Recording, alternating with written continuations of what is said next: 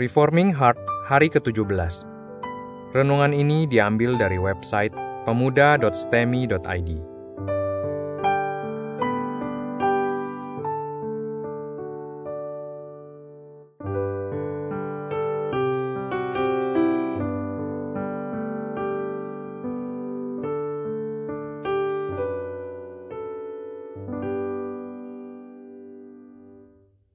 Tema renungan hari ini adalah kejatuhan final Saul. Mari kita membaca Alkitab dari kitab 1 Samuel pasal 14 ayat 47 sampai dengan pasal 15 ayat 9. Demikian bunyi firman Tuhan. Catatan tentang musuh-musuh dan keluarga Saul. Setelah Saul mendapat jabatan raja atas Israel, maka berperanglah ia ke segala penjuru melawan segala musuhnya, melawan Moab, Bani Amon, Edom, raja-raja negeri Zoba, dan orang Filistin. Dan ke mana pun ia pergi, ia selalu mendapat kemenangan. Ia melakukan perbuatan-perbuatan yang gagah perkasa, memukul kalah orang Amalek, dan melepaskan Israel dari tangan orang-orang yang merampasi mereka. Anak-anak lelaki Saul ialah Yonatan, Yiswi, dan Malkiswa. Nama kedua anaknya yang perempuan, yang tertua bernama Merab, yang termuda bernama Mikal. Istri Saul bernama Ahinoam, anak Ahimaas. Panglima tentaranya bernama Abner, anak Ner, paman Saul. Kis ayah Saul dan Ner ayah Abner adalah anak-anak Abiel.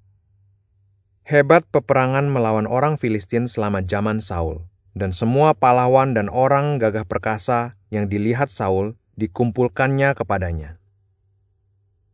1 Samuel pasal 15 Saul ditolak sebagai raja. Berkatalah Samuel kepada Saul, Aku telah diutus oleh Tuhan untuk mengurapi engkau menjadi raja atas Israel umatnya. Oleh sebab itu, dengarkanlah bunyi firman Tuhan. Beginilah firman Tuhan semesta alam. Aku akan membalas apa yang dilakukan orang Amalek kepada orang Israel, karena orang Amalek menghalang-halangi mereka ketika orang Israel pergi dari Mesir.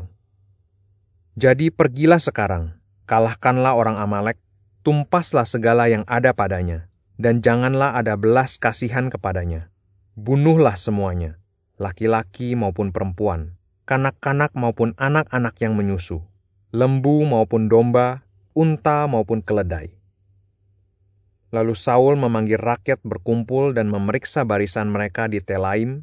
Ada 200 ribu orang pasukan berjalan kaki dan 10 ribu orang Yehuda. Setelah Saul sampai ke kota orang Amalek, disuruhnyalah orang-orang menghadang di lembah. Berkatalah Saul kepada orang Keni, Berangkatlah, majulah, Pergilah dari tengah-tengah orang Amalek, supaya jangan kulenyapkan kamu bersama-sama dengan mereka. Bukankah kamu telah menunjukkan persahabatanmu kepada semua orang Israel ketika mereka pergi dari Mesir? Sesudah itu menjauhlah orang Keni dari tengah-tengah orang Amalek. Lalu Saul memukul kalah orang Amalek mulai dari Hawila sampai ke Syur yang di sebelah timur Mesir. Agak raja orang Amalek ditangkapnya hidup-hidup, tetapi segenap rakyatnya ditumpasnya dengan mata pedang. Tetapi Saul dan rakyat itu menyelamatkan agak dan kambing domba dan lembu-lembu yang terbaik dan tambun, pula anak domba dan segala yang berharga. Tidak mau mereka menumpas semuanya itu, tetapi segala hewan yang tidak berharga dan yang buruk itulah yang ditumpas mereka. Mari kita merenungkan kita tiba pada catatan mengenai kemenangan-kemenangan Saul. Walaupun Saul tidak setia kepada Tuhan, tetapi perhatikan cara Tuhan memberkati Israel. Dalam ayat 47 dan 48 dicatat bagaimana Saul menaklukkan enam bangsa yang menjadi musuh Israel. Tidak pernah ada satupun hakim Israel yang pernah melakukan itu. Tidak ada yang tercatat pernah menaklukkan lebih dari dua bangsa. Sebelum Saul, hanya Yosua yang pernah memimpin Israel menaklukkan lebih banyak bangsa ketika Israel masuk Kanaan.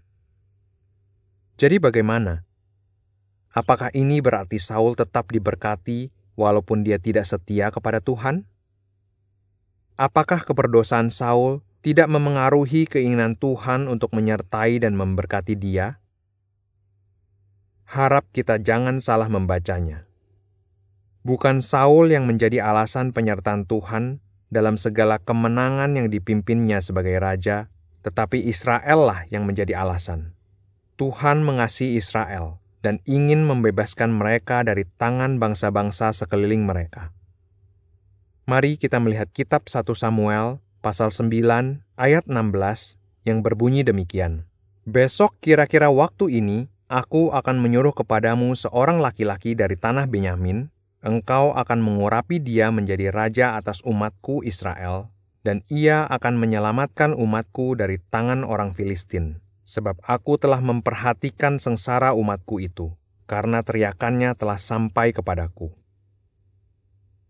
Tuhan mengasihi umatnya, dan itulah alasan Tuhan masih memimpin mereka dalam kemenangan demi kemenangan di bawah pimpinan Saul.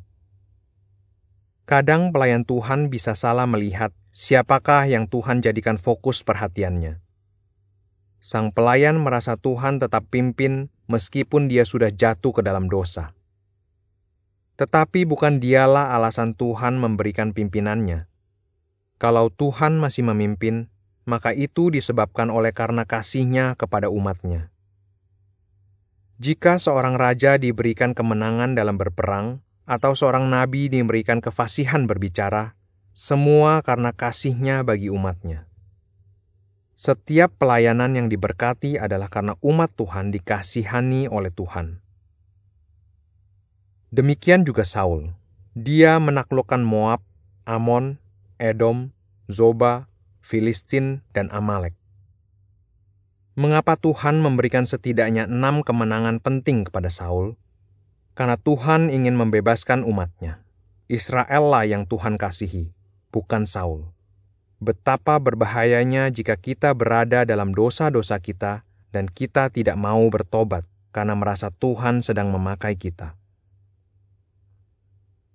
Jika kita tidak sadar bahwa kita perlu bertobat, maka kita tidak akan pernah sungguh-sungguh mencari pengampunan. Dan tanpa mencari pengampunan, bagaimanakah mungkin kita mengalami pengampunan? Bagaimana mungkin Saul merasa perlu bertobat kalau dalam enam pertempuran penting Tuhan selalu memberikan kemenangan. Tuhan memberkati Saul dengan segala yang dia perlukan untuk mempunyai kuasa yang besar. Tuhan juga memberikan kepada dia tentara-tentara yang baik. Bahkan pada akhirnya Tuhan juga memberikan Daud kepada Saul untuk menjadi pemimpin pasukan Saul. Semua ini merupakan tanda bahwa Tuhan memperhatikan Israel. Bahkan dalam 1 Samuel 15 ayat 2 yang berbunyi demikian, Aku akan membalas apa yang dilakukan orang Amalek kepada orang Israel, karena orang Amalek menghalang-halangi mereka ketika orang-orang Israel pergi dari Mesir. Tuhan memerintahkan Saul untuk membasmi orang Amalek sebagai pembalasan dari Tuhan karena orang Amalek memerangi Israel dalam perjalanan mereka dari Mesir ke Kanaan. Kekuatan besar ini sayangnya membuat Saul tidak merasa perlu menaati Tuhan. Kekuatan besar ini bahkan membuat Saul lebih suka menyenangkan rakyat banyak ini daripada menyenangkan Tuhan, sang pemilik rakyat banyak ini. Saul menolak Tuhan dengan menolak menaati Dia dengan akurat. Alkitab mengatakan bahwa Tuhan ingin memusnahkan Amalek sama sekali. Tetapi Saul tidak membunuh Agak dan sejumlah ternak mereka. Tuhan ingin memusnahkan Amalek dan dia berhak atas itu karena dialah Allah yang adil dan yang memiliki kedaulatan atas setiap nyawa manusia. Tetapi Saul mengampuni Agak, raja Amalek. Dia membiarkan hidup raja yang Tuhan sudah tetapkan untuk mati Siapakah hakim atas seluruh dunia? Bukankah Allah? Jika demikian, mengapakah ada seorang manusia yang berani mengubah keputusan yang maha adil dengan menentukan sendiri siapa yang harus dihukum dan siapa tidak. Tindakan inilah yang membuat Tuhan membuang Saul sebagai raja. Tuhan tidak lagi memberi ampun kepada Saul. Demikianlah Tuhan membiarkan Saul di dalam pemberontakannya sambil tetap memberikan kemenangan demi kemenangan bagi Israel melalui Saul. Kemenangan demi kemenangan yang memabukkan Saul sehingga dia tidak sadar kalau dia sudah menyimpang begitu jauh dari Tuhan. Hari ini saya rindu mengajak kita semua berpikir baik-baik. Apakah pelayanan yang kita kerjakan sepertinya berbuah lebat? Apakah Tuhan menambahkan jumlah orang yang mengikuti kebaktian di gereja tempat kita berbagian dalam pelayanan? Saul mempunyai 210 ribu pasukan ketika menaklukkan Amalek. Bukankah ini tandanya Tuhan berkenan kepada Saul? Hati-hati, Tuhan sudah tidak berkenan kepada Saul, tetapi dia masih mengasihi umatnya. Bangsa Israel adalah alasan Tuhan juga masih memberikan kesempatan kepada Saul untuk bertobat dan kembali kepada dia dengan tugas memerangi orang Amalek dengan penyertaan Tuhan yang besar. Saul gagal karena dia tidak sadar kalau dia sudah menyimpang jauh dari Tuhan. Kadang-kadang kita mempunyai pola berpikir yang sangat berbeda dari Tuhan. Kita menafsirkan kesulitan hidup sebagai tanda kutuk, dan kita menafsirkan segala kemudahan, kelancaran, dan kesenangan hidup sebagai tanda perkenanan Tuhan. Padahal semua itu bukanlah tanda Tuhan berkenan atau tidak. Tuhan berkenan kepada seseorang jika dia menaati firman-Nya dan hidup dengan tepat sesuai perintah Tuhan. Tanda sejati di perkenan Tuhan adalah kalau kita mengikuti Dia dengan tepat. Jikalau Tuhan memberkati pelayanan kita dan gereja kita, ini tidak berarti bahwa kitalah alasan Tuhan memberikan berkatnya. Selidikilah hidup kita dengan sebaik mungkin. Sudahkah kita dengan tepat mengikuti Dia? Saul membunuh hampir semua orang Amalek, tetapi hampir semua tidak sama dengan semua. Saul membantai hewan ternak Amalek yang jelek, tetapi menyimpan yang baik, meskipun telah mendengar perintah bahwa Tuhan telah mengkhususkan seluruh ternak Amalek untuk dimusnahkan. Pelanggaran Saul sama seperti ketika akan mengambil jubah di kota Yeriko, ketika seluruh harta orang Yeriko seharusnya dimusnahkan. Ketika perasaan hati kita sudah tumpul, kita tidak sadar bahwa kita sebenarnya sudah membuat Tuhan marah. Mungkin kata-kata kita, mungkin tindakan kita, semua hal-hal yang sebenarnya menjijikkan bagi Tuhan telah kita kerjakan tanpa merasa bersalah. Celaka kita akan makin bertambah jika ternyata Tuhan tetap memberikan kelimpahan di dalam hidup kita. Tetapi benarkah kelimpahan itu tanda bahwa Tuhan berkenan atas cara hidup kita? Saul sudah menyimpang jauh dari Tuhan, tetapi mungkin dia berpikir, 210 ribu pasukan yang menghancurkan banyak kerajaan lain di Israel, Tuhan pasti sangat berkenan kepada saya.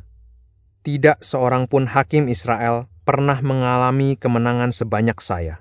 Bahkan Samuel pun belum pernah mencicipi kemenangan sebanyak kemenangan saya. Tetapi Tuhan berkata kalau dia akan membuang Saul. Tuhan akan membuang kita jika kita terlalu bebal. Tetapi kembalilah kepada firman Tuhan, bertobatlah, dan milikilah kepekaan rohani yang tinggi. Jangan diperdaya oleh hati nurani kita yang sudah lebih tumpul daripada pedang plastik mainan. Apakah hidup kita terus diarahkan untuk mengikuti Tuhan secara tepat? Hati, pikiran, perbuatan, perkataan, dan seluruh hidup biarlah itu diserahkan kepada Tuhan untuk menaati Dia dengan seakurat mungkin.